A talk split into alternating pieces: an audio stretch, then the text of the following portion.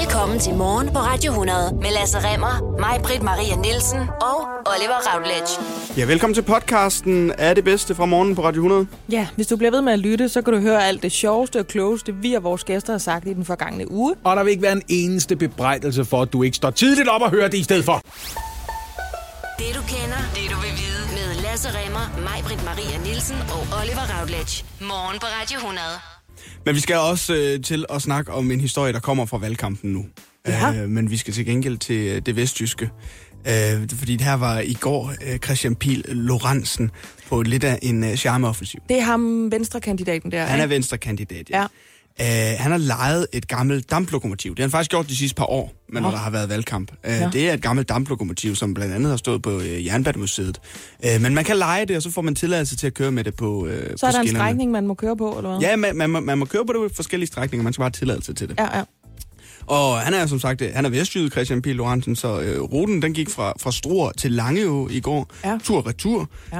Øh, her fragtede han både kollegaer og vælgere øh, øh, i, det her, øh, i det her tog. Man kunne komme ind, og der var gratis kaffe, så kunne man købe øl og vand til billige penge. Man kunne få en croissant. man kunne få en croissant, man kunne hygge sig, man kunne få en Den slags trip der. Ja. ja. Øhm, så, så, så lige så snart toget har passeret Skive, øh, så sker der ukendte årsager det, at, at toget det får, det får lige stukket ild til noget tørt græs. Stukket ild. Ja, det, der, kom, der kommer lige ild til noget øh, tørt græs og buskads langs jernbanen. Det er ikke, fordi de står og ryger inde i det der gamle damplokomotiv, vel? Nej, nej, nej, det er fordi, der simpelthen er kommet gnister op igennem, øh, op igennem skorstenen på det her Åh, damplokomotiv. Øhm, Nå, men det får de jo i hvert fald hurtigt slukket og kører videre. Ja, nemlig. Altså, det, det, den, kom, det, den blev hurtigt slukket, og problemet er bare, at der så i løbet af eftermiddagen kommer flere af de her anmeldelser om små, lille, lokale brænde, som er opstået tæt på den her jernbane, hvor Christian P. Lorentzen altså kører sit Så det Christian P. Lorentzen har gjort, der er i virkeligheden at starte små brænde imellem Struer og Langå. Ja, lige en, et, et 10 naturbrand blev det til. Men hans kampagne sgu da bare on fire, som ja. de unge mennesker ville sige. den er lige præcis sådan, nej, det er flot, det kan jeg godt lide. Der var jeg ung. Ja, der var du ung. Hello, fellow young people.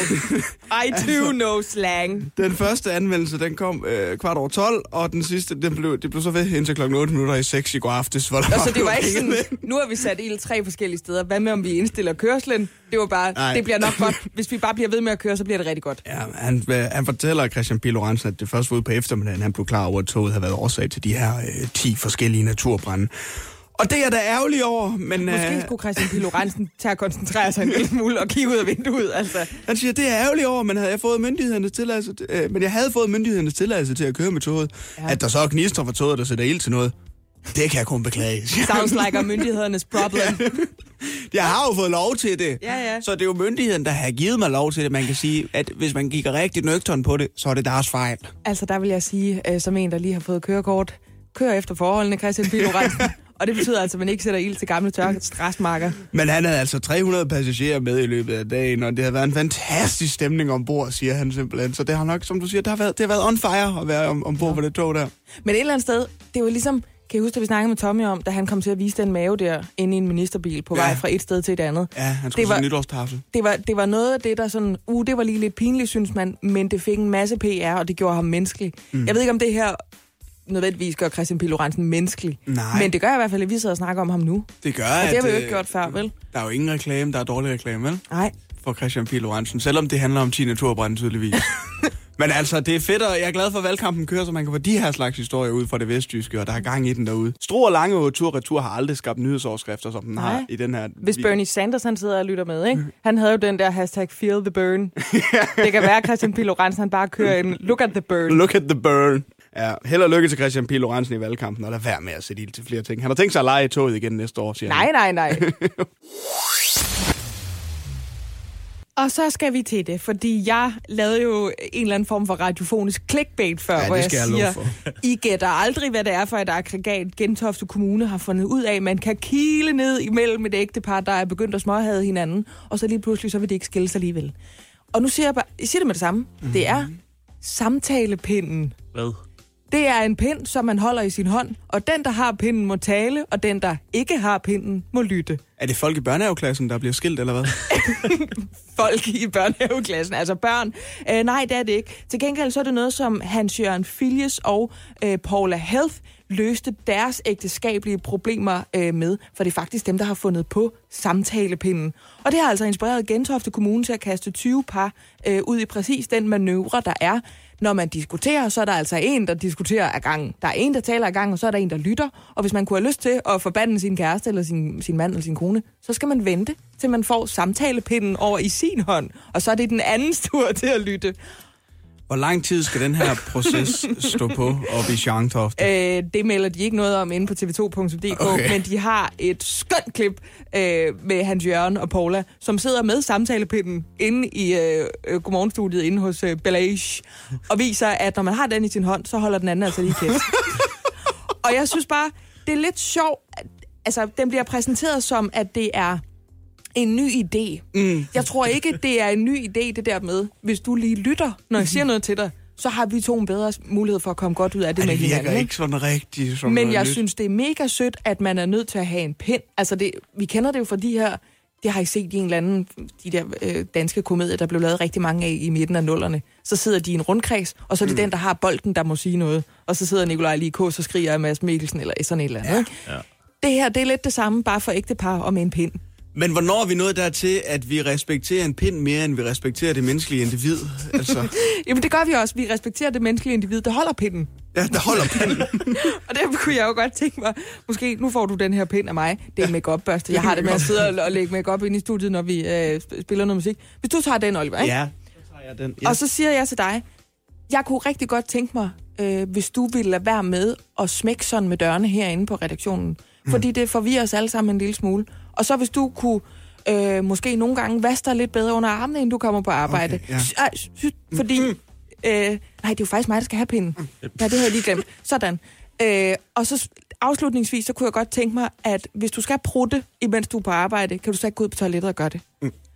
Sådan. Så får du pinden, så holder jeg kæft. Jeg hørte, hvad du sagde, Majbrit. Tak for de fine ord. Jeg kunne godt tænke mig fremadrettet, at der var sådan, øh, når jeg mødte ind på arbejde, måske havde du lavet en kop kaffe til mig. Du ved altid, hvornår jeg kommer. Mm, mm. Øh, så kunne det være dejligt, du ved, sådan specielt en mandag morgen, mandag morgen, at der stod en kop kaffe til en. Mm, mm, mm. Øhm, så har du jo... Jeg hører, hvad du siger. Ej, det her det er så dumt. Det, det kommer jo ikke til at hjælpe noget som helst. Altså, hvis ens forhold er blevet så kedeligt i forvejen, så... Så er det en anden pind, man skal have i hånden i hvert Der fald. kommer en pind ind i det forhold, altså. I hvert fald ikke den pind, som, som de sidder med. Der er det noget helt andet, man skal have fat i. Prøv at høre, de to ældre mennesker, de har reddet deres ægteskab på den måde, og det er bare skønt. Det er bare Det dejligt. er bare dejligt. Men jeg vil jo så foreslå, måske kan man begynde at udfase pinden, så man til sidst bare sidder med en knyttet hånd foran sig, uden, uden noget i. Fordi så kan man lige løfte øjnene 25 cm længere op, og så kan man se ansigtet på sin elskede, som man sagde ja til i kirken eller på rådhuset. Og så kommer man i tanke om, gud, jeg skal lige huske at lytte. For der er jo en grund til, at vi har to ører og kun én mund. Ikke, Oliver? Jo, jo. Og det havde du, det der. Ja, det, Det skriver jeg på sådan et galvaniseret skilt, Det løb mig koldt og så hammer jeg det op over der. sengen. There's no I in team. Men det var samtalepinden, ikke? Vi har stadigvæk Pernille Skipper i studiet, og jeg har læst øh, information fra den 10. maj. Ja. Og nu læser jeg op her. Mm. Også herhjemme har der været forståelig modstand, når forslag om kødafgifter og stigende flypriser bliver det, folk forbinder med grøn omstilling. Så bliver omstillingen endnu et angreb på helt almindelige lønmodtagers økonomi. Ja. Pernille mig, der har skrevet det. Det er jo nemlig noget, du har skrevet i information. Det var godt, du kunne genkende det. Det er stadig din politik. Ja, det mener jeg. Hvem er det så, der skal stoppe med at spise bøffer, og i stedet for at tage på en cykelferie afbestille turen til øh, Gran Canaria? Hvem er det, der skal redde øh, planeten? Jamen, vi skal alle sammen redde planeten, og vi har alle sammen et ansvar. Vi skal alle sammen tænke over, hvad vi gør. Men det jeg også prøver at sige, det er, at det betyder ikke, at vi alle sammen aldrig nogensinde får lov til at spise øh, pasta bolognese igen, eller at, øh, at vi skal lave en grøn omstilling, som betyder, at det bliver så dyrt at flyve, at det kun er de absolut rigeste, der skal kunne gøre det. Mm. Vi skal sørge for, at nogle af dem, som sviner mest, og det er jo øh, store oliefirmaer, der tjener mange penge på at hive olie op af undergrunden, det er virksomheder, som er fritaget for at betale det, der hedder CO2-kvoter. Der er en masse steder, hvor nogle af dem, der har meget rent, faktisk kører på fribillet. Og det er samtidig også nogle af dem, der sviner mest. Så det vi siger, det er, at det er først og fremmest dem, der skal løfte. Og så skal vi sørge for, ja, selvfølgelig vi alle sammen, men vi skal sørge for, at det bliver fordelt ligeligt, sådan så at ja, regningen ikke ender hos helt almindelige lønmodtagere. Så helt almindelige mennesker, der godt kan lide at få en gang pasta bolo og tage til Gran Canaria en gang hver halve Ja, år, det skal kan, de lov til. kan stadigvæk stemme på dig, uden at du kommer Ja. flot ud af hænderne på dem. Ja, vores tanke er jo, at vi skal kunne flyve en gang imellem. Vi skal alle sammen gerne ud og se verden, og det vil vi gerne. Det er fair nok. Det er ikke helt almindelige mennesker, der skal holde op med det. Men dem, der flyver rigtig meget og flyver langt på business class, de skal altså til at skrue ned for, øh, for charmen, for at sige det. Øh, og De kan holde det møde på Skype, kan de. det kan de nemlig. Ja. Det kan de, fordi vores klode skal overleve. Det er jo sådan set det, det handler om. Og så skal vi jo for eksempel have omstillet hele vores bilpark. Det er alle politikere i Folketinget enige om, at de der benzinbiler og dieselbiler, dem skal vi have ud herfra, og så skal det være øh, elbiler i stedet for. Uh, jeg har lige købt en dieselbil, det er simpelthen så ked af at høre det det er der. jeg simpelthen ked af at høre, du har. men, men først og fremmest er det jo politisk, vi skal gøre noget for, at det er muligt at købe elbiler i stedet for. Så i stedet for bare at slå folk oven i hovedet, når de har købt en dieselbil, så skal vi sørge for, at det At jeg slet ikke kan komme til at købe den dieselbil. Nej, det skal, du, skal vi fase ud med tiden, men at det skal være billigere for dig at købe en elbil i stedet for. Sådan så at næste gang, du står der og skal købe bil, så tænker du, det vil da være det dummeste i hele verden at købe en dieselbil, fordi elbilen er meget billigere. Pernille Skipper, politisk ordfører for Enhedslisten. God valgkamp, og tak fordi du kom.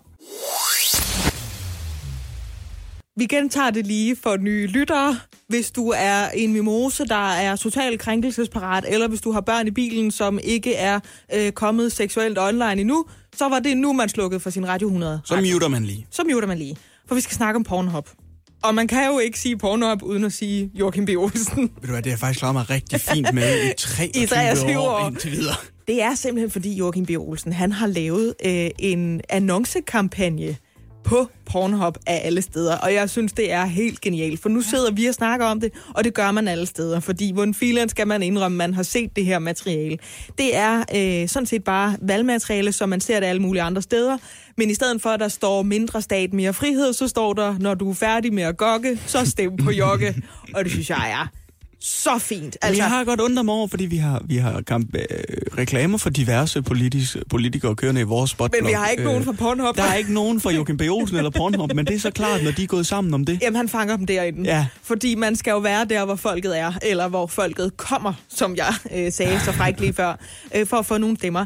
Men øh, Joachim B. Olsen er ikke sikker på, at det vil rejse en masse stemmer. Okay, nej.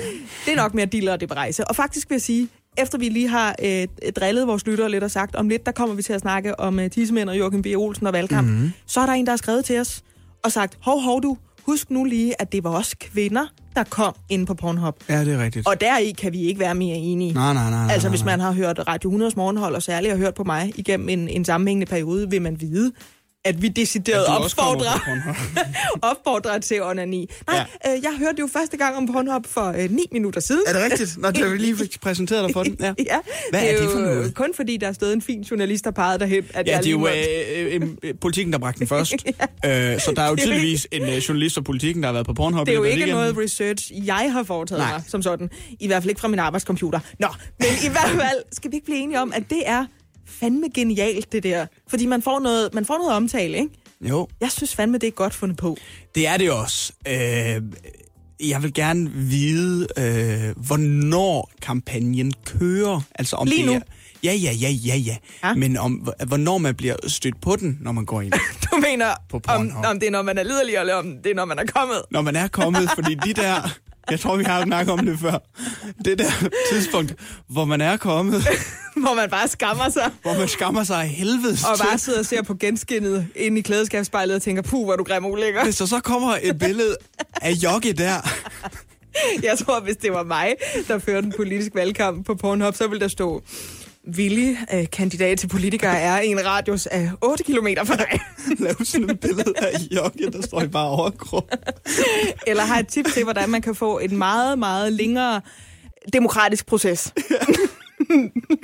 Men det var i hvert fald historien om Joachim B. Olsen, som annoncerer for øh, Frihedsprojekt på Pornhub. Altså, når du er færdig med at kokke, så stem, det er på på Joachim. Jokke. Ind og, jeg har ikke set reklamen endnu, men jeg tænker, man kunne gå ind og kigge på den måske. Ja, jamen, det er også kun noget, jeg har hørt. Porno i arbejdstiden. Woo! Vi skal snakke lidt om en statusopdatering, der er 10 timer gammel. Så skal vi snakke lidt om Liberal Alliance. Ja. Øh, fordi jeg tror, jeg har gennemskuddet, hvad deres valgkamp handler om i hele Liberal Alliance. Mindre stat, mere frihed, ned med skatterne. Mm, Tæt på. I hvert Okay. Ned med Ja. skatterne. Ja. Og så måske også noget med patterne. Nå. Vi havde jo øh, Gokke Jokke i går, ikke? Jo. Det var Joachim B. Olsen, der ja. Lavede en, øh, en annonce inde på Pornhub, som jo er et sted, hvor alle mænd og kvinder, der er lige adgang, kan gå ind og øhm, Yes. sig en spiller. Mm. Og nu øh, hopper vi øh, til Laura Lindahls øh, Facebook-side. Nå, hvad har hun skrevet? Hun har skrevet, Jeg har været i en del politiske paneldebatter med Senior Stampe allerede. Ofte skal hun midt i debatten amme sit lille barn. Der sidder jeg altid tilbage og tænker på, at efter jeg har ammet to børn, så hænger mine patter næsten allerede nede ved knæene, og jeg tænker, at jeg bør få lavet nogle store silikonebabser. Og jeg tænker, at endnu en god grund til at sænke skatten er, at alle skal have råd til nye silikonepapser. Hashtag nej til hængepatter. Okay, ja. Ja, ja hun prøver... Hun prøver at være sjov. Hun prøver at skrive noget ramachan, også fordi hun tager sig selv til indtægt med de lange bryster der, ikke? Ja, hun prøver på, jeg ved ikke, hvad det er. Altså, ned med skatter, op med patter. Ned, Ned- er det sådan noget hashtag Ned noget, med ikke? skatter op med patteren. Ja. De skal sidde mere fast, ikke? Men hun har da sikkert en pointe. Altså, nu er der jo ikke nogen af os herinde, der har ammet et barn, men, men jeg ved da, at der sker noget fra at have to øh, pink lady-æbler øh, derop, hvor bare belutterne de sidder, så kan det jo Ja. godt være lidt som en golfbold øh, i en strikstrømpe, ikke? Men jeg så en i går, en valgplakat i går øh, fra Enhedslisten, hvor, troede, der, var- hvor der var en... Hvor der var, det kan jeg også sikkert også.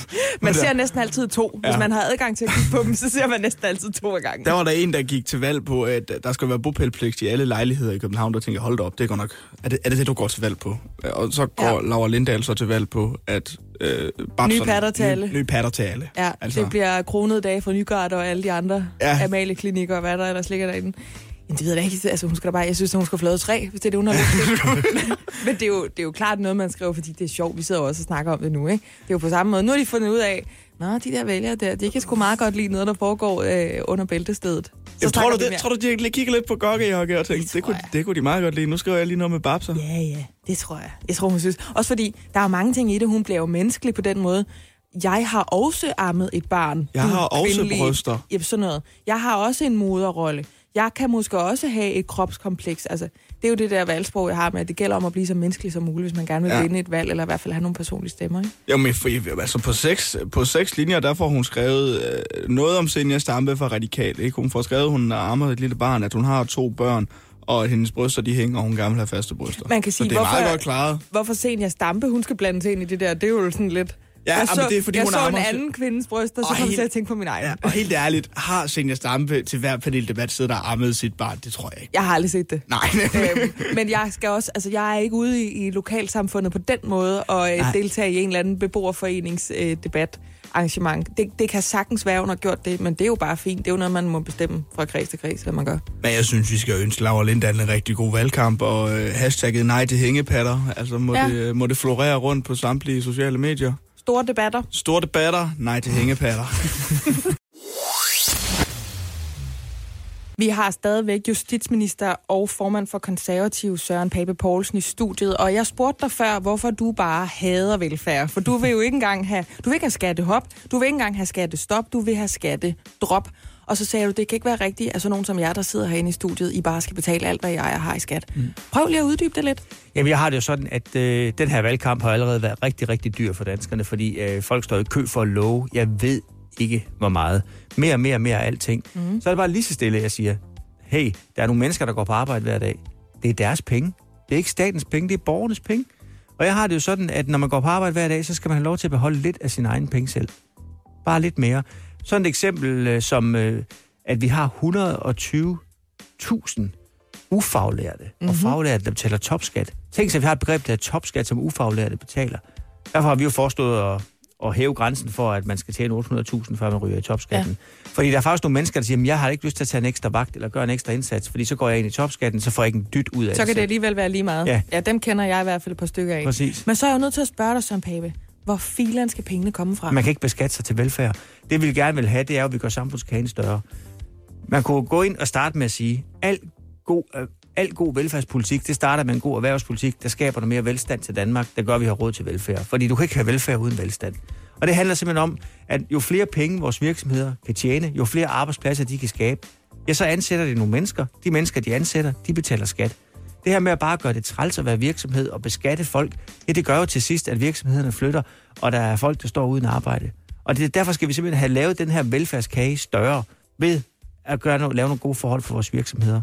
Når det kommer til arveafgiften, mm. så er du heller ikke specielt imponeret. Nej, jeg synes, det er en amoral skat. Hvordan kan det være amoralsk? Fordi der er mange mennesker, og der er folk forskellige, mm. der har spinket og sparet hele deres liv, som har sagt, nu lægger vi lidt til side. Fordi en gang, når vi er døde, så giver vi det her videre til vores børn, for eksempel. Så synes jeg, det er mærkeligt, at penge, der er betalt skat af, for de penge, som vores forældre eller bedsteforældre har, de er jo, de er jo betalt skat af. Ja. Hver en krone er beskattet, nogle af dem måske med topskat. Så dør folk, og så giver man det videre til sine børn.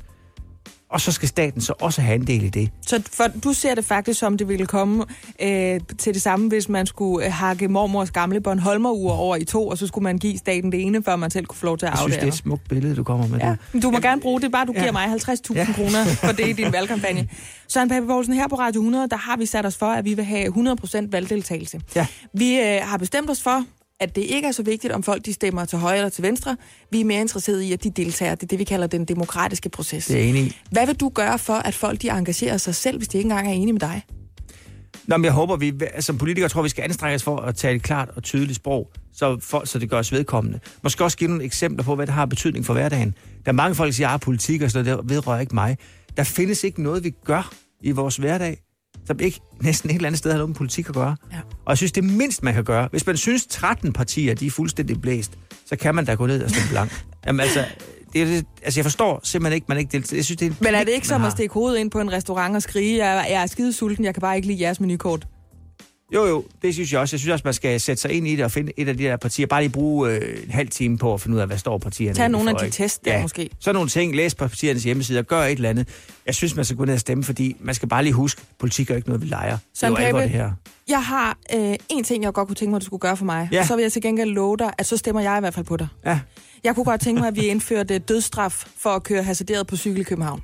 det er med med fristen at sige ja Fordi, fordi jeg er ny bilist, og ja. hold nu kæft, hvor jeg ved at oparbejde en grundangst. Altså, de der cyklister, Ja. der er jo, altså, de kører som om, de er udødelige. Og så råber de af folk. De er klapper på taget, når man lukker og af, ikke? og råber Vil- og skriger. Ja. Vil det være noget eventuelt, man kan... Altså, det skal ikke kun være valgflæsk, du skal gennemføre det, hvis du får lov til at Altså, fortsætte vil som du have dem ud på Ammerfællet igen, eller hvad? Det vil jeg, og Ja. ud på julestejle. Okay. Kan, kan du sige ja til det? Åh, jeg kan godt være, jeg kan være det at sige, for man skal ikke love mere, end man kan holde. Og jeg har det bare nok lidt sådan med dødsstraf, at jeg... Så jeg, skridtpryl med en våd bærlinger. Der begynder vi at snakke. Der begynder vi at snakke, men man må ikke slå ihjel, så dødsstraf, det går ikke ind for. Men jeg er klart, at våde søndagsbærlinger, der, de kan svinge noget. Altså, der, jeg, er, jeg er klar på mange ting. Vi to, vi kan altid blive enige. Det kan vi. Søren Pape Poulsen, justitsminister, formand for konservativ. Rigtig god valgkamp, og tak, tak fordi du var med her Det var en fornøjelse. Når unge mennesker ser andre på sociale medier, som på overfladen ser perfekte ud, så kan det være et problem. Det mener Christian Gros, der er antropolog og kønsforsker på Roskilde Universitet. Og så er han øh, temmelig op ringe over et nyt program, som det er Ultra Sender, hvor voksne mennesker altså smider tøjet over for et panel af børn. Christian Gros, velkommen til her på Morgenhold på Radio 100. Tak. Hvorfor er det et godt program, det her? Jeg synes, det virker sådan temmelig våget, må jeg nok indrømme. Ja, men der, er- der er jo det, jeg synes, det er lidt, øh, det er lidt uforsigtigt og voldsomt, at, at sådan folkeskoleelever, de ligesom skal se på nøgne mennesker, øh, nøgne menneskers kroppe. Ja. Men øh, jeg, jeg synes, det virker som en, som en rigtig fin idé. Altså, at man, at de får mulighed for at se, hvordan, øh, hvordan vi alle sammen egentlig ser ud, øh, og, øh, og se af mulige forskellige sådan, kropstyper. Øh, sådan lidt for, at de øh, kan få en fornemmelse af, at man ikke behøver at øh, altid at øh, være så lige så perfekt, når det handler om krop og udseende. Har du et bud på, hvorfor vi er blevet så tosset med, øh, både dem, der producerer indhold til underholdningsbranchen, men så sandelig også os, der skal forbruge det ude på den anden side af skærmene, og se på nøgne kroppe, fordi det er jo ikke den eneste kanal, der putter nøgne mennesker ind i vores fjernsyn. Hvordan kan, du, hvordan kan det være, at det sker, øh, Christian Gros? Det skal jeg love for. Altså, jeg, jeg, det, det, er der, det er der rigtig meget af. Det kan også være, det, altså, nogle gange så tænker man måske det lidt til grin, ikke? Men, men, øh, men det, altså, jeg, jeg, jeg tror, det, det, altså på den ene side, så tænker jeg, at det kan have noget at gøre med sådan det der med det danske, danske frisind. Hvis vi tænker Danmark lige isoleret set et øjeblik, øh, at, at vi godt kan lide det her med, at det hele skal være sådan lidt på grænsen, og lidt frækt, og lidt kægt. Ja. Øh, og det er noget, vi, vi er gode til, noget vi danskere rigtig kan. Ja. Øh, og, og, og, og det er jo også set før Blackmans øh, program, der er helt huske, hvad det hed, men der var noget med, man også kigge på nøgne kvinder og sådan noget. Der, der er sådan et eller andet med, at det kan vi, det kan vi godt lide, som går, over- går over grænsen, lidt over grænsen og lige til stregen, ikke? Ja. Men, øh, men så, så, det er selvfølgelig sådan lidt, kan man sige, på en måde lidt barnligt i og for sig, men så alligevel så har det her også en, en øh, kan have en god, en god øh, indvirkning på, på de unge i det her tilfælde. Altså, de det program- for at se det. Det program, Ja. der hedder uh, Date mig nøgen, det er TV2, uh, der sender det. Det har jo ikke noget at gøre med det her, der hedder det her ultrasmidertøjet. Det ene afsæt, det er, at man vil gerne vise, at alle kroppe er gode kroppe, og i bund og grund, så er der nok nogen, uh, eller kan man sige, en, en partner til alle i kærlighedens navn, eller i, i sexlivets navn. Her Ja. på det her ultra, der er, det jo, der er det jo til børn, der er det jo egnet til, at det skal stille nysgerrigheden, og man må spørge om alle øh, interessante, mærkelige spørgsmål, fordi man selv er ved at blive til et voksen menneske, der skal have en voksen krop. Synes du, der er et eller andet... Altså, jeg prøver sådan at finde ud af, hvorfor det provokerer mig en lille smule. Jeg skal se på det her panel af skolebørn, som sidder og kigger direkte ind i fem øh, voksne mænds peniser, eller fem Ja. voksne kvinders øh, øh, vulvaer. Altså, hvad, hvad er det Det er for et nok fordi- krydsfelt, jeg er i der? Det er nok fordi, du ligesom måske mange andre er lidt, så også er en eneste konservativ på det her punkt, og det er jo, og det kan jeg egentlig godt forstå, altså når det handler om børn. Og der må man så håbe, at de her børn, de ligesom har, har, har, har, har talt med deres forældre om det også, øh, og, og andre. Øh, Inden de tog en tur i DR-byen. Ja, inden de tog en tur hen og så på nøgne mennesker, Ja. fordi det er jo alligevel, det kan godt være en voldsom ting for, for også for helt unge mennesker. Jeg håber, de er blevet godt forberedt. Øh, det går jeg stærkt ud fra. Og så synes jeg egentlig, det er en rigtig fin idé. Jeg vil så sige, jeg synes egentlig, det, det, altså, det, det program var mere interessant og sympatisk end, end det der Date med nøgen, hvor det ligesom er, altså det, det virker sådan lidt mere også som objekter, altså man ligesom skal vurdere, er du nu øh, lækker nok, har du pinde og ben eller bryster, eller hvad det nu er. Det, det synes jeg er lidt, øh, synes jeg er lidt tamt et eller andet sted. Øh, men, men, øh, men, men det andet, jeg synes, jeg er skide fornuftigt, fordi det er bare ligesom, øh, det åbner op for, for sådan en snak om, altså, der vil sige, stiller nysgerrigheden, som, som alle børn jo har omkring det her, og får mulighed for at tale om det i en tidligere alder, frem for at ligesom skulle gå og gemme på det, øh, og lade det være sådan et tabu, som de ikke, øh, ikke kan få lov at tale om. Christian Gros, antropolog og kønsforsker ved Roskilde Univers- Universitet. Tusind tak, fordi du lige ville øh, give dit besøg med her. Jeg er stadigvæk en, en lille smule provokeret, men også blevet lidt klogere af at tale med dig. Tak for det. Det er godt. På fredag, Ja, det der er, øh, det er Norges øh, nationaldag. national Og, og grundlovsdag. Mm. Øh, og den grund så har jeg simpelthen fundet... Hvad griner du af? Bare fordi du ikke har set skam. Hvad? Jamen, det er fint. Man kan ikke komme tilbage fra sit øh, sygeleje og drille Oliver. Jeg har 100% set skam. Jeg har set rigtig meget skam. Fortæl, Jeg har 100% ikke set skam, men, men jeg tænker, det er sådan noget. Så jeg, jeg har fundet en historie øh, om den norske prinsesse Martha Louise. champagne. Ja, det er greit. Mm. Øh, hun har fået en, kær, en kæreste. Og Det, pokker, det var dejligt for hende. Det blev en uh, champagne stor historie i uh, Norge. Jeg kan ikke forstå dig, når du prøver Du at også tale bare, norsk. også bare tage den på dansk. Jeg Jamen, er med på, at færgen kommer ind hele tiden deroppe i Nordjylland, men prøv lige at stoppe med det norske. Nå, okay. Den norske prinsesse Martha Louise, hun har fået en kæreste. Øh, og det er blevet en kæmpe stor historie i Norge. Fordi at kæresten, som hedder Durek Verret... Øh, Den skal jeg lige have igen. Ja, Durek. Durek Verret. Så ligesom Durex, som er et kondom, bare med K. Ja, bare, uden- bare med K, ja. Ja. Og så Verret. V-E-R-R-E-T-T. Han lyder ikke meget norsk. Nej, øh, han er halv norsk. Øh, Okay. Men han er også bedre kendt under navnet Shamam Durek. Nej, hvor lyder det Er hun så med en shaman nu? Ja, øh, mangfoldigt. Han er shaman, fordi han nævner, øh, han hævder, at han kan kurere leukemi. Det skal han stoppe med. Øh, Det handler jo om, at man har dårlig balance i blodet, og den, den balance, den kan han simpelthen genoprette. At det er blodkræft. Fortæller han om, øh, om videoer øh, i videoer på YouTube. Okay. Det lyder ikke som noget, man klassisk i et monarki vil være øh, super tosset nej, med. vel? Nej, Nej. nej. Eller omvendt kan man sige, hvis han virkelig kan det, så fortjener han at være konge. Ja, Ja, så skal vi alle sammen høre på ham lige nu. Men det er måske derfor, vi ikke har hørt om ham før. han hævder så også, at han kan rotere kroppens atomer og reducere menneskers alder og sådan noget. øhm, Men det er jo meget dejligt, når nu man tænker på, at hele vores jordklode, hele vores univers er jo skabt af atomer. Der nøjes han med at rotere dem, der har skabt vores ja. kroppe. ja. Also, atomer roterer hele tiden. det gør de Jamen ikke, forvejen. ikke efter shaman Durek. Pibe.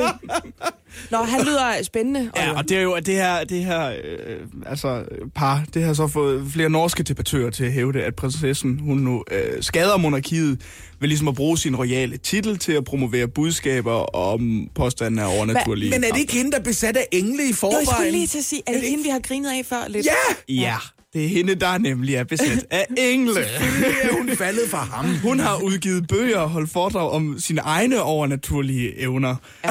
Øh, hun kan blandt andet tale med engle og heste. Altså, hun er jo allerede i gang med at skade monarkiet, hvis det var det.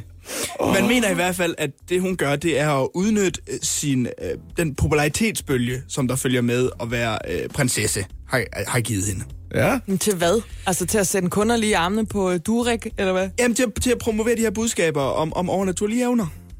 Øh, Ja. men nu har parret så, og, og nu kommer det gode, vil jeg sige, de går på turné sammen den 19. maj, hvor de vil rejse rundt i Danmark og Norge med et show. Øh, som Hvor et show! Nu Ja. stopper det her. Jeg kan ikke Altså være sådan med længere. noget helbredelsesmøder med Martha Louise og Durek, eller hvad? Jamen, de siger, at de vil tage publikum med på en rejse i livets mysterier og vise, hvordan man kan komme dybere i kontakt med sin indre kraft og øge bevidstheden. Og showet, det hedder så The Princess and the Shaman.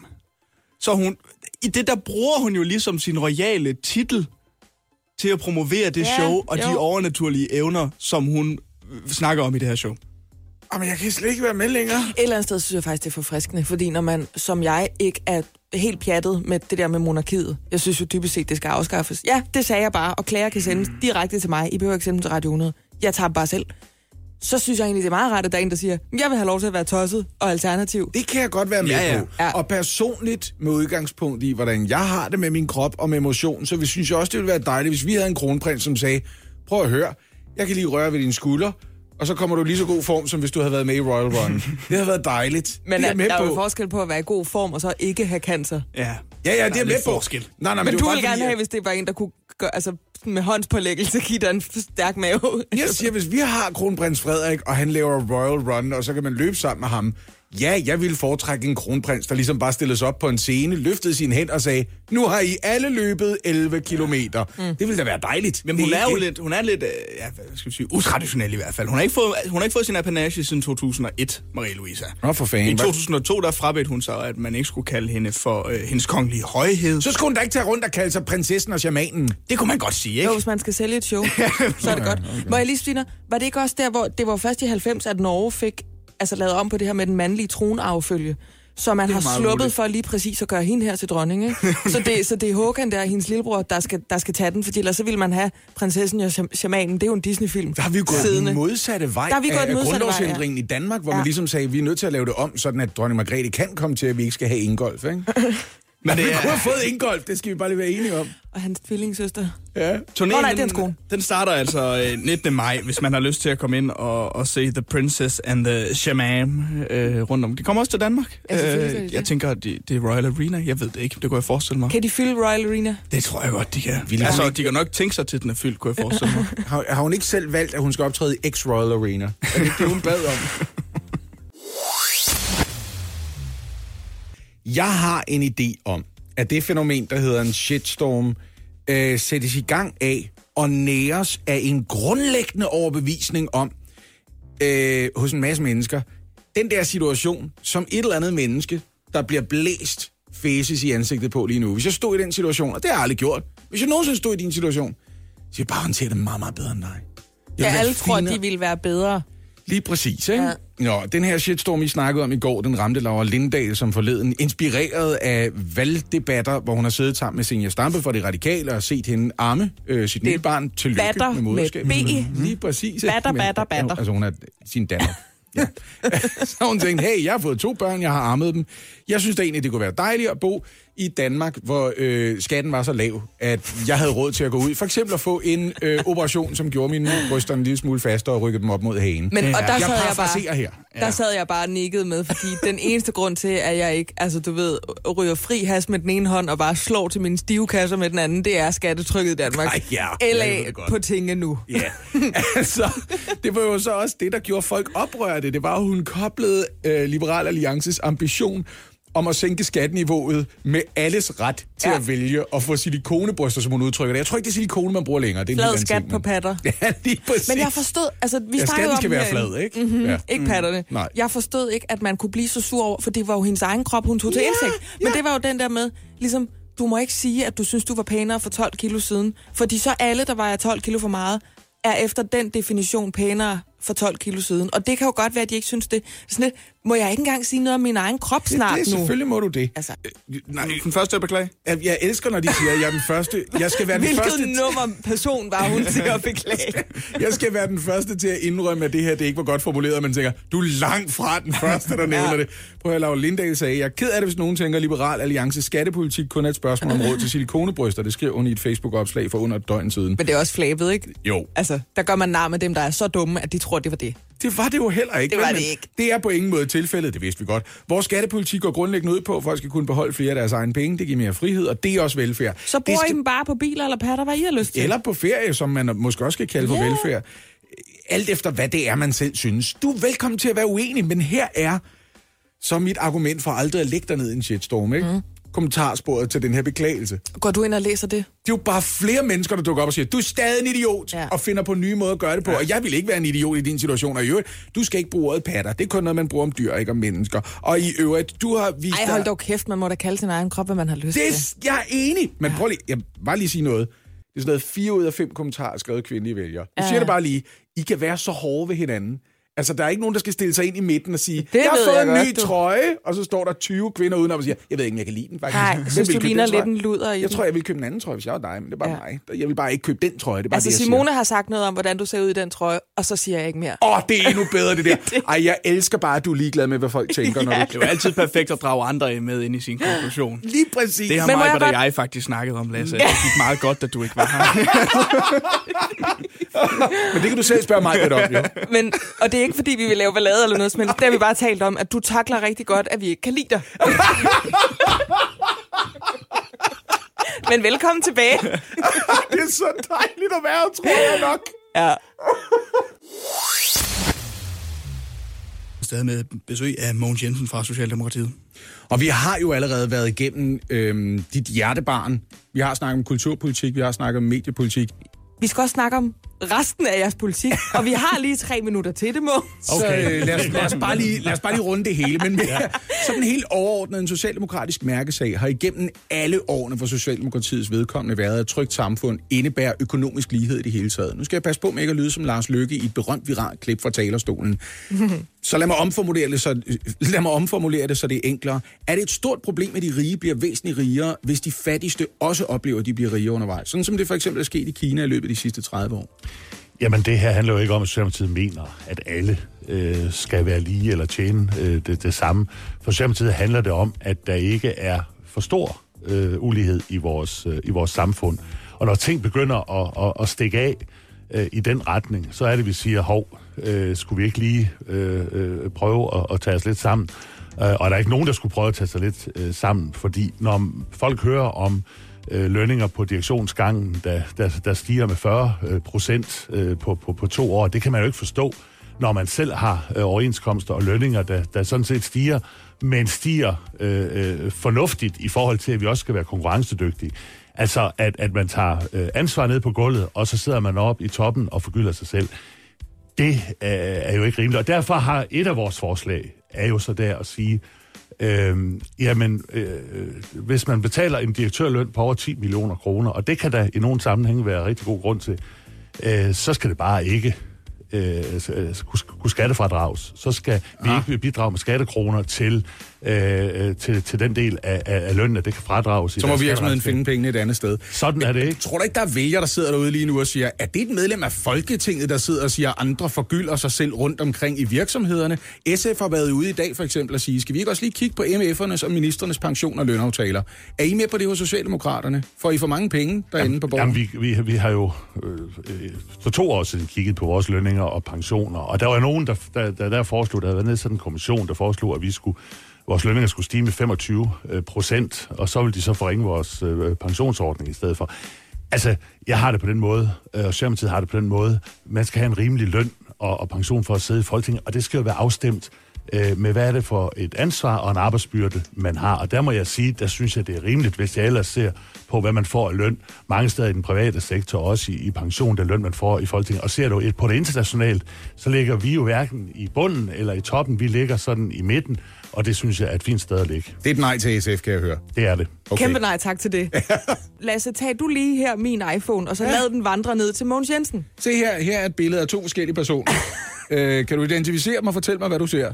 Altså, øh, til øh, venstre ser jeg Måns Jensen Ja. i en ældre udgave, øh, yngre udgave. Ja. Og hvem delen er der på den anden side? Ja, hvem delen er det? Jeg Øh, tager måske- lige Lasses briller på. Ja, se her. Kan du genkende Nå, personen? ej. Det er mig, Mogens Jensen. Jamen, hallo. Og det der, det er Velkommen. noget, et præcis, vi to vi er blevet sat ind i en billedramme, fordi der er nogen, der antyder, med to streger under, at vi ligner hinanden. Og ej, det var ej, det, nu, det, det undskylder jeg på nogen som helst vegne.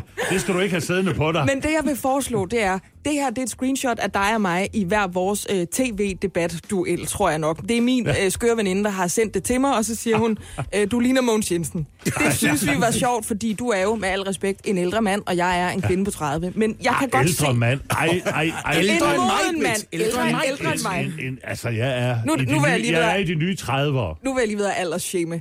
For at nå de unge, skal vi ja. så ikke lægge det ud på vores Instagram-profiler? Kunne man gøre det? Har du overhovedet en Jo, Instagram? ja, selvfølgelig har jeg da det. Skal vi ikke gøre det? og så skal vi... stopper det her. Du ved, den der billeddelingstjeneste, de unge Ja, mennesker ja, bruger. Ja, ja, ja, ja. Og så skriver vi noget, du ved, hashtag DKPol, eller hashtag du ligner en anden, eller et eller andet den stil. Er du med på den? den stil, ja, ja. Ja. Det, det er det, vi gør. Den er jeg helt, helt med på. Så gør vi det. Så, Ja. så øh, interagerer vi med vælgerne på den måde. Ja. Det er en aftale. Og så er det hurtigt tip, jeg lige kan give dig fra min karriere som komiker i øvrigt. Ja. Altid beskrive mænd over 50 som virile. Det er det bedste, de kan. Jeg peger altid de ældste mænd ud og siger, der sidder en viril herre heroppe på første række. De elsker det. Tusind tak for besøget, og rigtig god valgkamp, Mogens Jensen. Tak for det, det var en fornøjelse. Hvad, Lasse? Prøv lige at sige B til mig. B. B! Børges bukser brændte. Benny råbte, åh, Benny havde nemlig Børges bukser på. Det er Hva? rigtigt. Se, den kan jeg. Vi skal til øh, Halfdan Rasmussens børnerim. Fordi de blev jo genoptrykt igen og igen.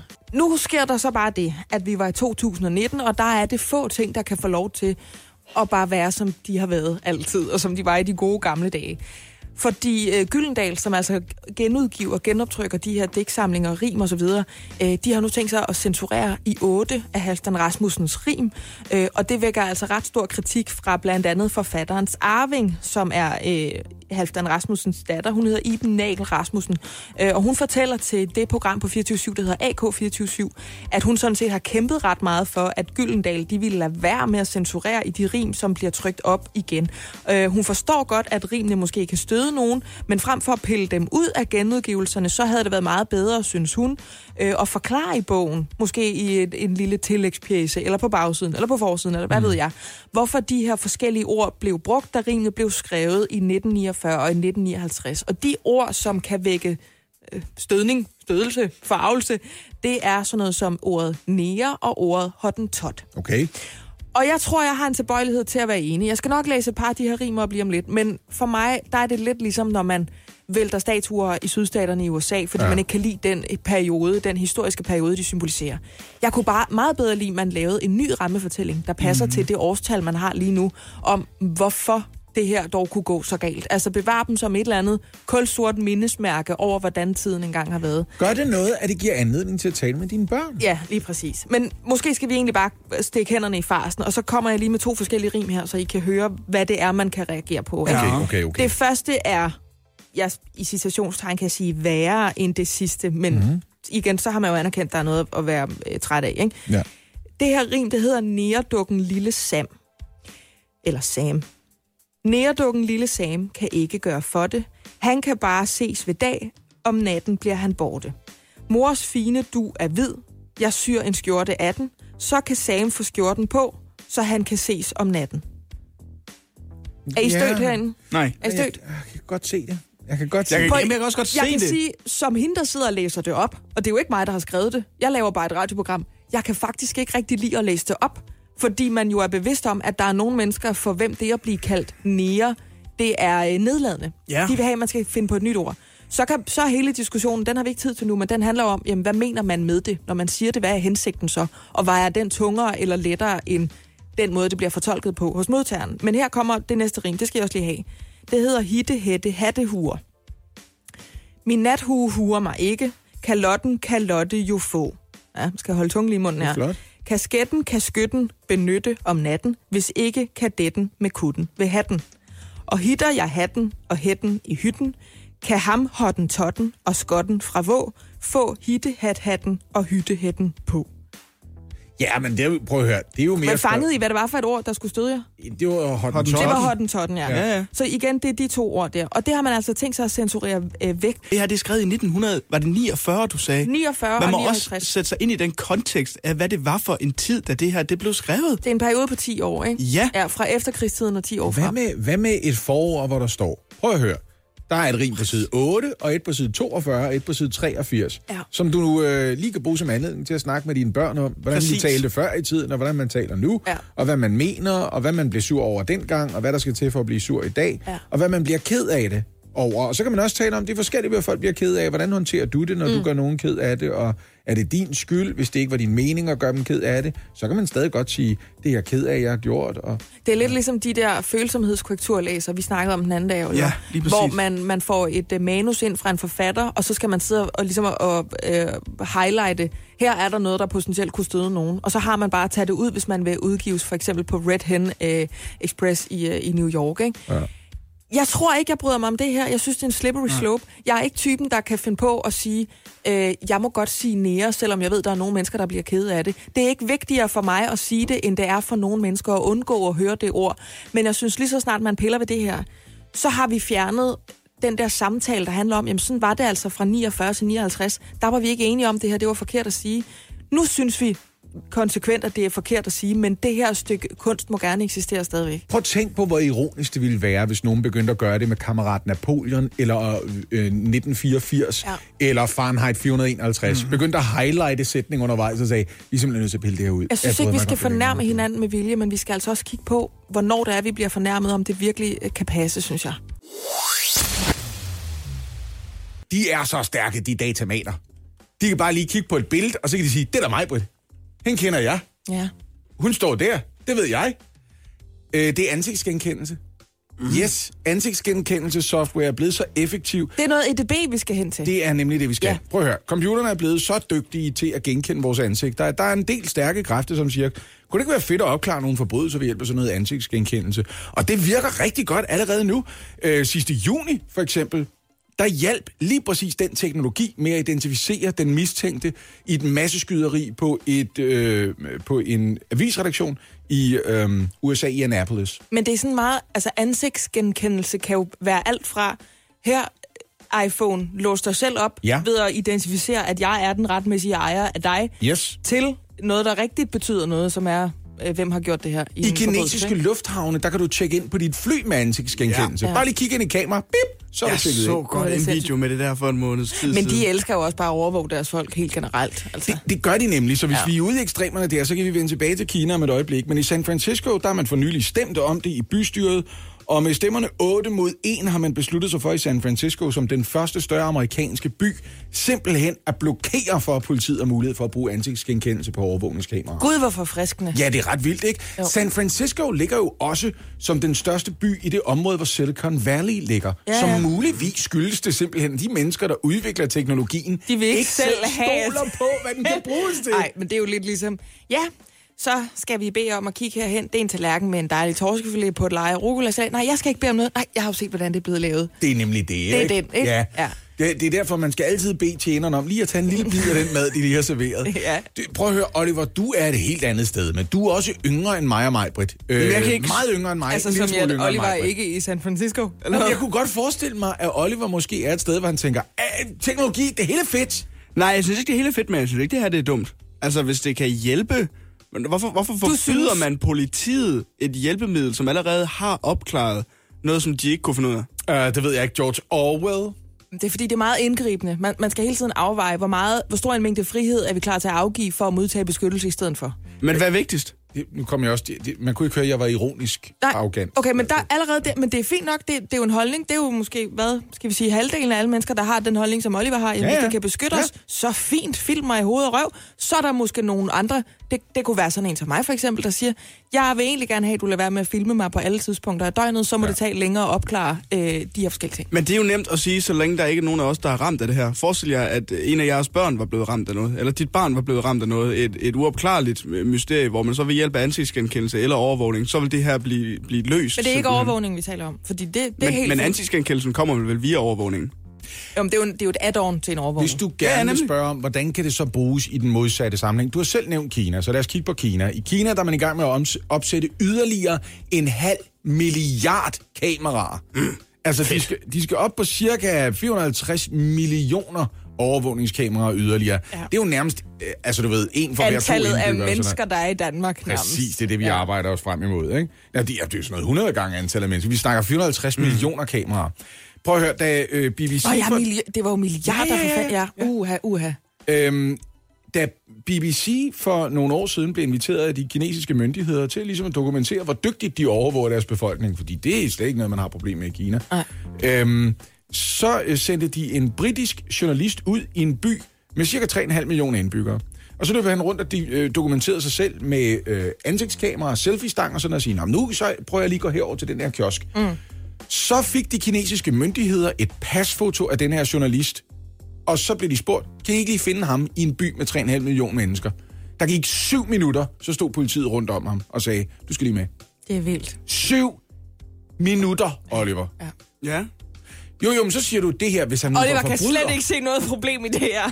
Nej, men jeg, nu siger vi så, at han er forbryder. Men i Kina er man jo også støtter roligt i gang med at indføre sådan et pointsystem, som handler om, at de nyttige og dygtige mm-hmm. samfundsborgere, mm-hmm. de ligesom via klip i kørekortet, de får sådan et sæt point, som afgør, altså du ved, hvor, hvor tilbøjelige er myndighederne til at lade dem forlade landet, for eksempel. Må jeg godt lige komme med et lille indskud Du bemærkning er her? stadig okay med det. Jamen, Oliver kan ikke, han er for ung. Jeg går i sådan en samtaleklub med ja. nogen, der også godt kan lide at høre sig selv. Så sidder vi rundt omkring et bord og drikker noget sur hvidvin. Og øh, der var der en, der bibragte nyheden omkring, at grunden til, at der... Jeg ved ikke, om I har oplevet det. Jeg har oplevet ret meget, at man får flere og flere venneanmodninger fra sådan asiatisk lydende navne. Ja. Øh, det er fordi, at når man skal indsamle point, ligesom det, du fortalte om før, med at Kina laver sådan en nærmest en manual over hver enkelt menneske. Det kan være alt fra, må man købe den her grund, til kan man blive godkendt til, at ens barn kan gå i børnehave her, eller er man på vej ud i noget terror, eller hvad filen det nu måtte være. Så gælder det altså også, hvem man er venner med på Facebook. Og der tæller det rigtig tungt i puljen at være øh, venner med en vesterlænding.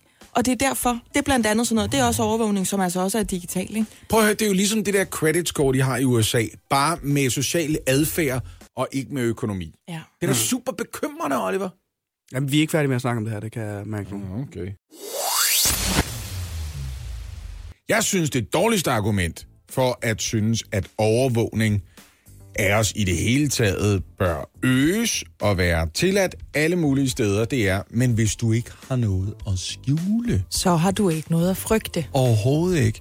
Mm. Prøv at høre, øh, jeg har ikke noget at skjule, når jeg sidder på toilettet, men jeg vil bare gerne stadigvæk slippe for, at du sidder og kigger med på et webkamera. det er sådan, jeg har det. Og det er dig, jeg kigger på, Oliver. Men det er jo også fordi overvågning, den altså, kommer ind i vores liv med det, det udgangspunkt, der er collect everything. Mm. Og så fordeler vi det bagefter, så ser vi, hvordan vi kan bruge det.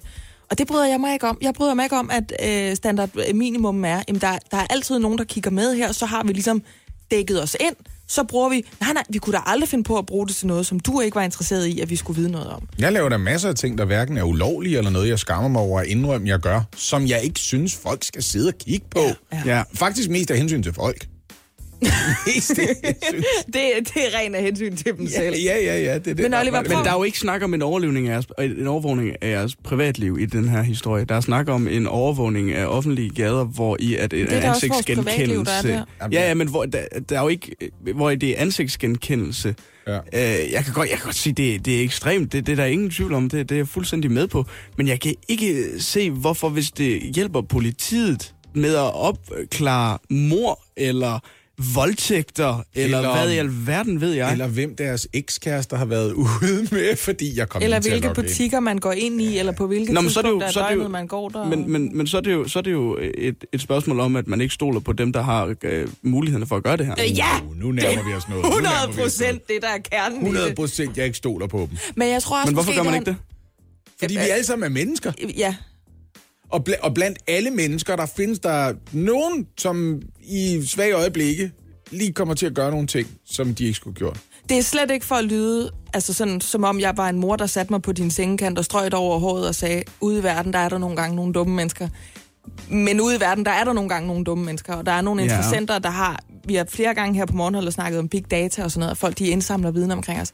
Der er nogen, der har en interesse i at vide, hvor du er henne på hvilke tider af døgnet, øh, hvilken bil du kører i, hvad for noget tøj du går i, hvad for noget Men det mad er du vel ikke spiser, dem, der hvem har du adgang til den med. data. Så har jeg den interesse til det.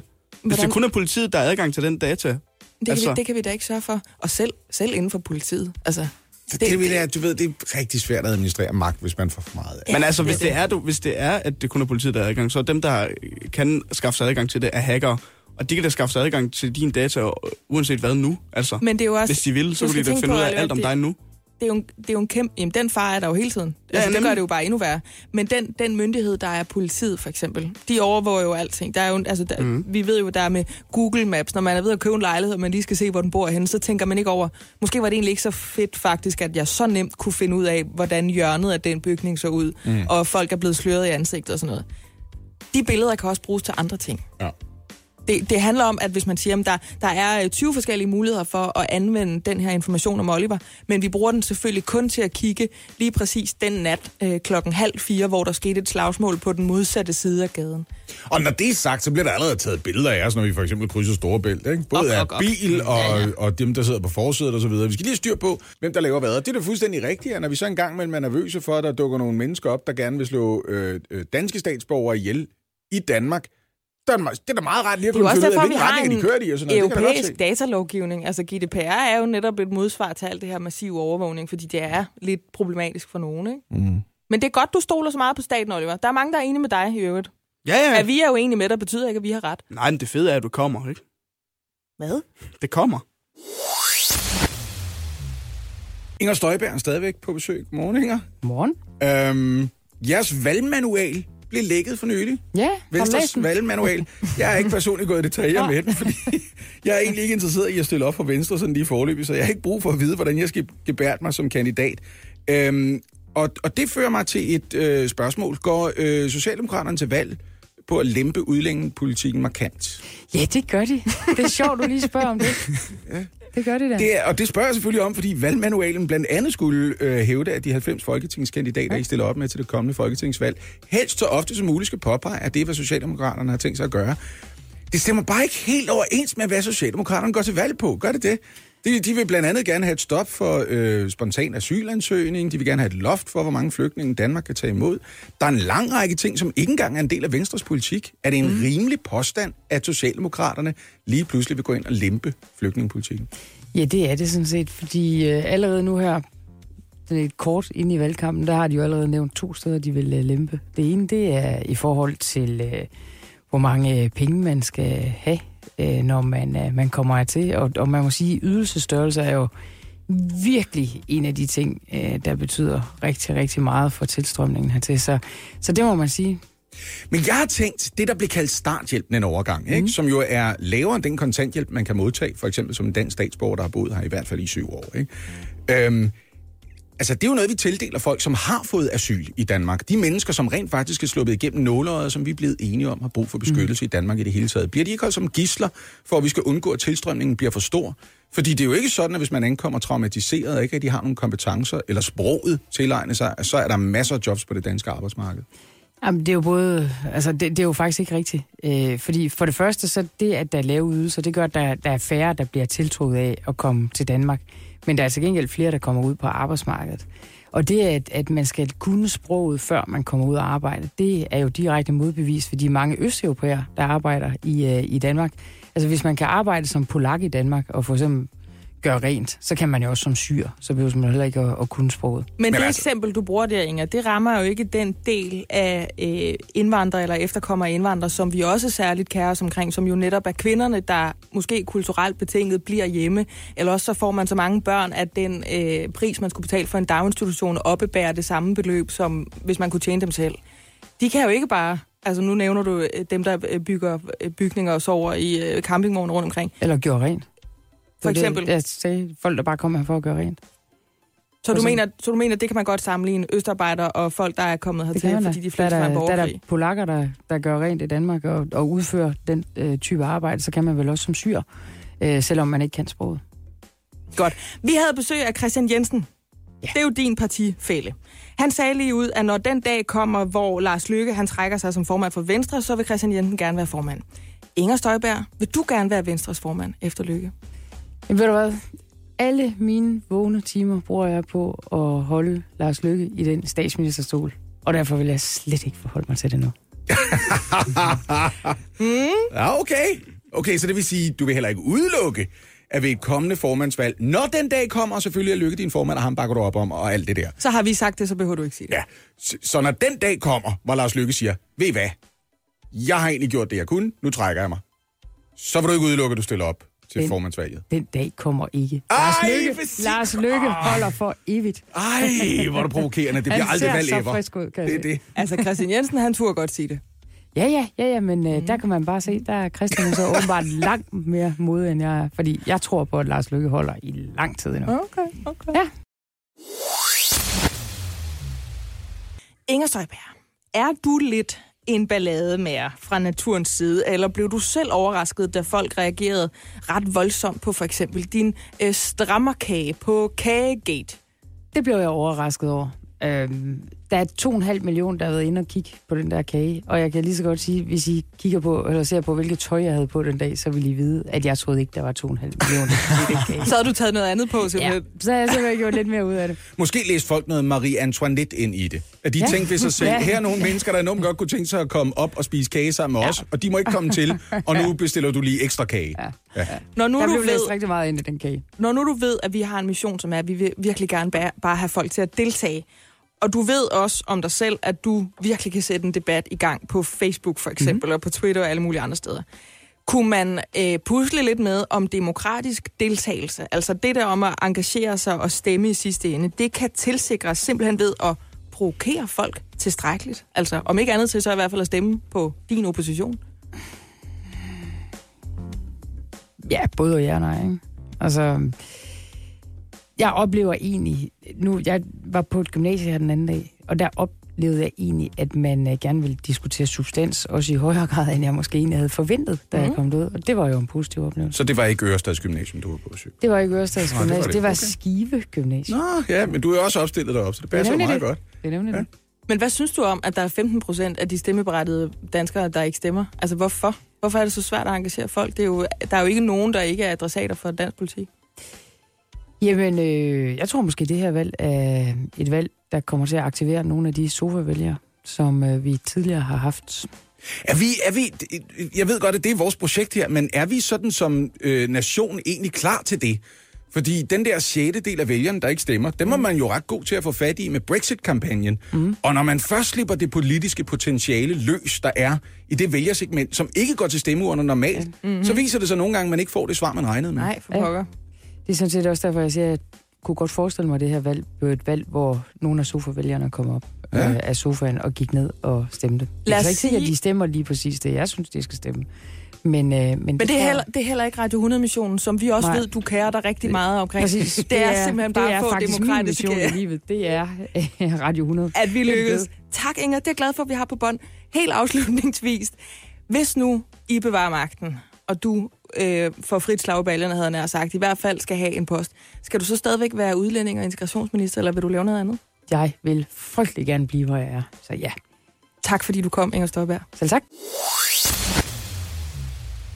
Kasper, du sagde noget tidligere, hvor jeg troede, jeg hørte forkert. Jeg troede, du sagde Game of Thrones, men det gjorde du ikke. Nej, nej. Du sagde Game of Stones. Yes, vi skal Hvad snakke om Game of Stones nu. Er det for en HBO-serie, jeg ikke har Der, hørt der er om? nemlig kommet en afgørelse øh, på sagen omkring den her sten på Møn. Men er der lige en enkelt lytter eller to, som ikke helt har styr på, hvad Games, Game of Stones Eller helt en præcis er? Så lige taget en lille lydbid med fra TV2 Øst. Denne mønske sten ser måske ikke ud af meget, Vi kan se cirka en kvadratmeter. men toppen bedrager. Den mønske sten kandiderer til en hovedrolle på en helt særlig rangliste. Vi kalder det Game of Stones. Det er en top 10 over landets absolut største sten. Eksperterne tror, at den mønske sten er så stor, at den kan vippe en anden lokal sten ud af top 3. Det vil være godt for møen, hvis den her sten går hen og snupper tredjepladsen. Men det vil så til gengæld være lidt synd for Lolland, for så ryger høvdingstenen ned på den der trælse fjerdeplads. Hvad er det for noget geologhumor? Vi kalder det Game of Stones. Det vil være godt for møn. Ej, men jeg tror også, måske, hvis det man har, det er store sten, så kan det godt være, at man lige skal tage en brainstorm-dag på Visit Møn. Prøv at høre, unger. Det er søndag. Der er kun fem kvarters kørsel. Vi skal ned og se Danmarks tredje til fjerde største sten. Vi vil hellere ned og gå i det der trætårn, hvor man kan gå rundt. Nej, i dag ser vi på de store sten. Det sjove ved de store sten, det er, at du ved ikke, hvor stor stenen er jo. Mig af den, den kan du ikke engang se. Så det er også en gætteleg. Det er det nemlig. Fordi det bare ligner en normal sten. Ej, hvor lyder det røvsygt. Men Jamen, nu hvad, er der så kommet en uh, afgørelse, holdt af forskere fra DTU Space og de nationale geologiske undersøgelser, er kommet frem til, at det er en sten af granit, ja. og den vejer højst sandsynligt 370 ton. Og det betyder altså, Det at stenen desværre kun indtager en fjerdeplads på listen over Danmarks største sten. Oh. Men... Det er jo Måling- godt for Lolland. jeg skulle lige til at sige, godt for Lolland, ja. skidt for Møn. Og så er det heller ikke helt sikkert, at den faktisk vejer 370 ton. Nå. Fordi de her målinger på, øh, Jamen, du på holder den her mig sten, på pinebænken, Kasper. Det er suspense. Jeg sidder her simpelthen på kanten af mit sæde. De her Kom så målinger, der er en usikkerhed på plus minus 50 procent. Nej, det kan man jo ikke. Prøv at høre, de kunne have sendt mig der. Hvem sender DTU Space derned? Jeg kunne komme derned og sige, det ved jeg ikke, en 150 til 500 ton, den ligger det uh, Slag på tasken. Det er som at have en vægtgætter på bakken, der står og siger, før du træder op på badevægten. Jeg var eneste, du, vejer et sted mellem 40 og 180 kilo. Altså dem, der arbejder i DTU Space, er det håndværkere, eller hvad? Hvad fanden sker Der der er er, cirka 100 TV2 200 Øst har snakket lidt med ham her, geologen, der hedder Henrik Granat. Selvfølgelig gør han det. Hedder han det rigtigt? Ja, ja, det gør han, Henrik Granat. Åh, Gud. Han siger, at usikkerheden på plus minus 50 øh, procent, det er jo temmelig meget. Jeg think. Men man kan altså ikke få den her sten op på en badevægt. Nå, nej. Nej. Tror Nej, men det man- kunne sgu da være, at DTU Space, Space lige præcis havde noget udstyr til at teste Hvad er det også for en badevægt, der kan veje ting på op til 370 ton? Men Så tror skulle man- være gået på slangekur for længe. Ej, man laver bare den der, ligesom når man skal veje et kæledyr, og så tager man dem op i armene, og så stiger man selv op. det gør man bare med stenen. 370 ton og 90 kilo. Præcis. Ja. Hvis man tror på, at den vejer 370 ton, jamen, så snupper stenen lige akkurat en fjerdeplads. Er man optimistisk på Møns vegne og siger plus 50 procent, så ender sten faktisk på en anden plads. Og det er noget lort for Lolland. Men Ja, siger er man minus Lolland. 50 procent, så ender sten så på en 6. plads. Men sten er i hvert fald i top 10. Og planen er så, at der skal et nyt hold forskere øh, forbi stenen, og så kan man ligesom sammenholde de her målinger. Mm. Men forløbig så altså en fjerdeplads til den her øh, sten i Game of Stones. Det, altså det, jeg har lært af den her historie, det er, det er så heldigt, at jeg ikke er blevet geolog. Jeg er glad for, at vi har nogen. Ja, ja, Ja. ja, men de er åbenbart ikke skide præcis dem, vi har. det er en del af det. det altså, er. hvis du har en afdeling, der hedder noget med space, Altså, så jeg- prøv lige at kunne lave øh, præcise målinger. Jeg kender jo humanister, der er mindre akkurate videnskabsfolk Ja. end danske geologer, åbenbart. Plus minus 50 procent på forestil jer politiske meningsmålinger med den Ja, usikkerhed. ja. Hold nu kæft. I står til 20 mandater. Eller, du ved, 10 eller 30. Det kan det også være. Så det ligger der. Det, det er de to cifre. Nå, men tak for den historie i hvert fald, Selv tak. Kasper. Det er øh, torsdag dag, men det føles jo lidt som en fredag, fordi det er helligdag i morgen. Vi, Mhm. mm-hmm. øh, vi er her ikke. Der kommer, vi kommer stadig til at, at være i radioen. Vi kører lidt af de interviews, vi har haft med de forskellige politikere indtil videre. Mm. Imens vi står derhjemme og rister nogle daggamle hvedeknopper, ja. Lige præcis. Mm. Øh, men det betyder jo så også, at når det er øh, fredag på en øh, torsdag, så har vi jo gjort sådan, at vi skal have vores fredagstraditioner med ind i torsdagsprogrammet. Og jeg har jo en ting, hvor jeg anbefaler en lyrisk oplevelse hvert uge. Man kan kalde det mit pick. Øh, jeg vælger, det er altså digt pick. Ja. Øh, som, hvor jeg går ind og siger, det her det er det digt, I skal høre. Ja. Og mit digt pick den her uge, det er ja. dig, Anne. Ej, er det rigtigt? Ja. Hvilken ære, det har jeg altid drømt om at, at blive dit dick pic. Husk nu for guds skyld tydelig tale. Ja, du er sådan skat. T. Digt. Husk nu at få den med. Du, vil, øh, du har et digt klar. Jeg har det et normale digt klar. fredagsdigt. Ja. Vil du, øh, Er det stort? Altså, jeg vil, jeg vil Er sige... det et stort digt? Det er, øh, det det er et lidt langt digt. Ja. Digt. Ja. Ja. Men, Digt, digt. digt, digt. Men, øh, men det er måske også lidt torsdagskvalitet. Okay, ved du hvad? Vi Jeg prøver at tager se, om vi mig- kan klemme det ind. Vi, vi, vi prøver ligesom, vi kan Jeg tager glemme mig det, et kruse Pickwick Ja. til. ikke? Hvis der er nogen. Øh, lige to sekunder. Mm, Vi skal lige være der. Det er jo en øh, penisparyk. Det er Pickwick. Pickwick. Nu er det eddermame snart fyreaften for dig, Marker. jeg har ikke sovet så meget. Anna, kom så Ja, med det vil dit jeg gerne have, fredagstik på en torsdag. tager lidt seriøst. Ja. Ja. Jeg glæder mig. Et fredagstik på en torsdag er måske lidt forrygt. Men på den anden side bliver det helt uden censur. Det er da lidt trygt. Mm. At fjerne ord som nære og hottentogt fik i hvert fald Gyldendal i modvind. Tænker du tør at sige det? Har de aldrig hørt om den konfliktnedtrappende samtalepind? Anders Samuelsen og Lars Lykke kunne måske også godt have brug for en gåtur med en pind i skoven. Det kræver dog, at Anders, Det kræver dog, at Anders Samuelsen ikke igen klatrer op i et træ for at se tingene lidt fra oven. Øj, det er godt. Men skattestop, velfærdsløfte og dyre og smøger er åbenbart lidt for stærkt tobak.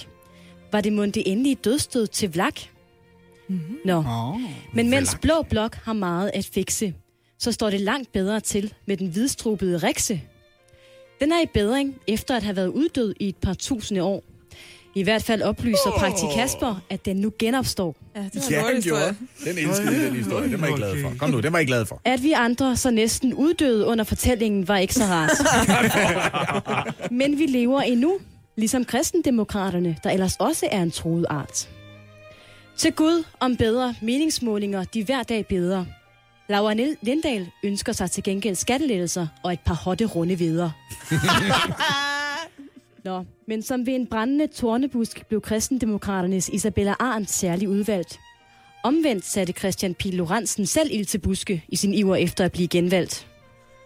Ja, men det er så Det er godt. godt nok det er med altså. så godt hver gang, altså. Joachim B. tog andre midler i brug for at få stemmerne til at flyde. Det skete også, ja. Der er virkelig stemmer at komme efter, for Pornhub har masser at tilbyde. Komme efter. Og med det råd givet videre vil vi gå på weekend, men vi er tilbage, før vi får set os om. Så der nu, nu er der vist er ikke andet at gøre, end at citere Jokke og sige tak, fordi vi kom. Hvor er det? Prøv at du sagde, imens vi stadigvæk hørte musik, det er måske lidt noget lort, men her kommer det. Og så er det lige så fucking godt, som det plejer at være. søde. Ja, Ej, Du du er er hende, der kommer ud fra så eksamenslokalet og siger, det gik forfærdeligt, det Og gik så går du forfærdeligt. får 12. Den type var jeg faktisk også. Der er, Ja, det var jeg faktisk. Der er et udtryk, øh, som har gjort sig gældende inden for engelsk fodbold, der hedder not arrogant, just better. Ja, tak. Ja. Det kan jeg også godt lide. Og øh, det er... Og det er jo en øh, baghånd til, at det engang var mig, der skrev fredagsdigtet, og jeg var ikke i nærheden af at være lige så god, som du er, Anne. Så Ja. den får du. Så, øh, så det, det er en fornøjelse. Jamen, i lige måde. Jeg er glad for, at I gider at lytte efter. Ja, ja, det gør Sådan vi da. Vi er ret meget tvangsindlagt til det, mens vi sidder det er her. I. Kan man sige. Hvad sker der? Lad være med at bryde stemningen. jamen, jeg har da lige ros. Jeg kan jo ikke blive ved. Så bliver jeg nødt til at komme Ja, med et eller andet ja, bagefter. Ja, det er rigtigt. Ja, på den her måde, ikke? Mm, Mm, fint. Ja, ja. Morgen på Radio 100 med mig, Britt Maria Nielsen, Lasse Remmer og Oliver Routledge.